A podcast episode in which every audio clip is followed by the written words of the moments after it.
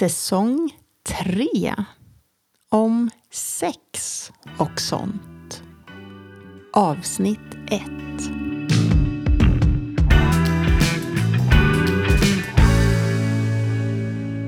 Varför är det skamligt att prata om sex? Ja, många av er lyssnare kanske tycker att det är lite obehagligt att lyssna på oss. Obekvämt, obehagligt. Ja. Jobbigt att berätta för någon annan att man har lyssnat på det. Jobbigt för att berätta för någon annan att man är nyfiken på det. Mm. Mm.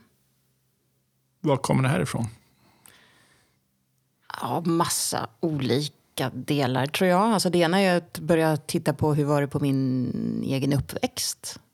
Att man ska börja där. Hur såg det ut? Vad var det för budskap som skickades i familjen, bland vännerna, i skolan, eh, från samhället, kyrkans påverkan. Alltså det finns ju otroligt mycket berättelser kring det här som vi inte behöver gå in på just nu. Men det är väldigt, väldigt mycket som har format kring att det här är skuld och skam kring sex. Kan det vara någonting med, med kontroll också? Det tror jag. Alltså religionen och kontrollen av befolkningen och... Eh, Alltså det Ja. finns säkert en mängd olika anledningar. det behöver vi inte gräva ner oss så djupt i egentligen. Utan vi kanske ska röra oss framåt. Hur vi här i 2020-talet kan jobba framåt och göra det bättre för era barn, de runt er, er själv. Ja, för jag tänker också att det handlar om att det här... Okej, nu visar jag tydligt upp att jag är en kvinna i 50-årsåldern som tycker om att ha sex. Alltså, jag har visar att jag har lust och tycker om att ha sex. Och då är det skamligt också. Det är liksom skamkappa på från vissa.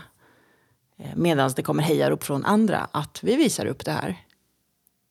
Ja, du har ju bloggat i, i, i många, många år nu om det här och, och fått blandad respons. Men eh, en reflektion som vi har gjort är att de mer explicita artiklarna som du skriver får ju väldigt få eller inga kommentarer. Mm. Mm. Folk är obekväma, men du kan samtidigt se att det är de som är bland de mest lästa. Absolut. Samtidigt sitter jag här och tänker på att de bloggarna som läses mest kring det här med sex och så, de är ju allihopa anonyma. De är kvar med skamkappan på på något vis.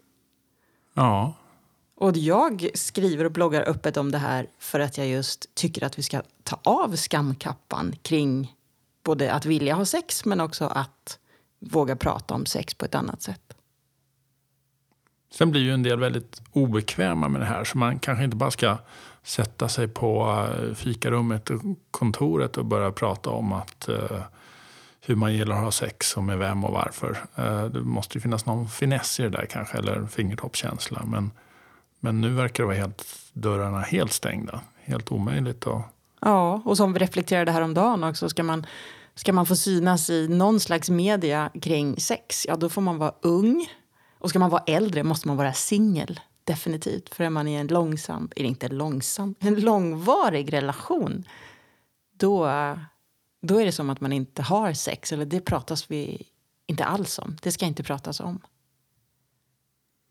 Nej, vi har ju lyssnat en del på, det finns poddar och radioprogram på, och tv-program. Och ofta är det ju unga människor som pratar om det. Och eh, min reflektion slår mig varje gång är att du och jag har ju mycket mer sex än vad de här har. Mm. Mm.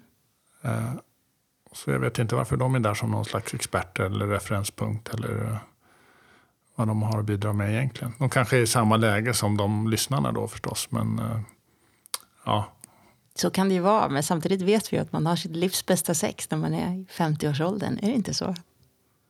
ja, det sägs det. Mm. Så hur får man bort den här skamkappan då? Hur kan man liksom se till att man inte känner sig så skamsen? Jag tror att man kan göra det genom att skaffa sig lite fler referenspunkter. Det hela handlar om hur man jämför sig med olika saker. Så kanske in och läsa lite hos mig på bloggen för att skaffa dig lite fler referenspunkter som kan vidga ditt perspektiv. Vad du tänker och så kring skam. Skaffa nya vänner kanske.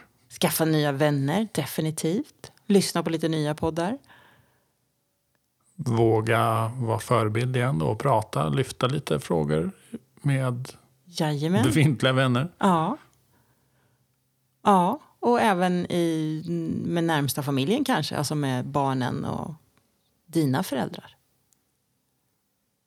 Lyfta på locket lite och pusha dina egna gränser lite grann försiktigt. Ja, för det behöver ju inte handla om detaljerna. Det kan ju lika väl handla om vad är din värsta lustdödare? Min värsta lustdödare är när det är odiskat på diskbänken. Ja, det är ju verkligen inte kontroversiellt eller konstigt egentligen. Nej. Så på det viset kanske vi kan lyfta lite på skamkappan genom att prata om lusten. Till Och innan sex. man kan göra det så måste man ju faktiskt tänka i de banorna också. Absolut. Och som sagt, känner sig den mottagaren som du vill prata med lite obehaglig till mods eller lite obekväm, ta det lite lugnt och varsamt. Bra. Tycker vi nöjer oss där.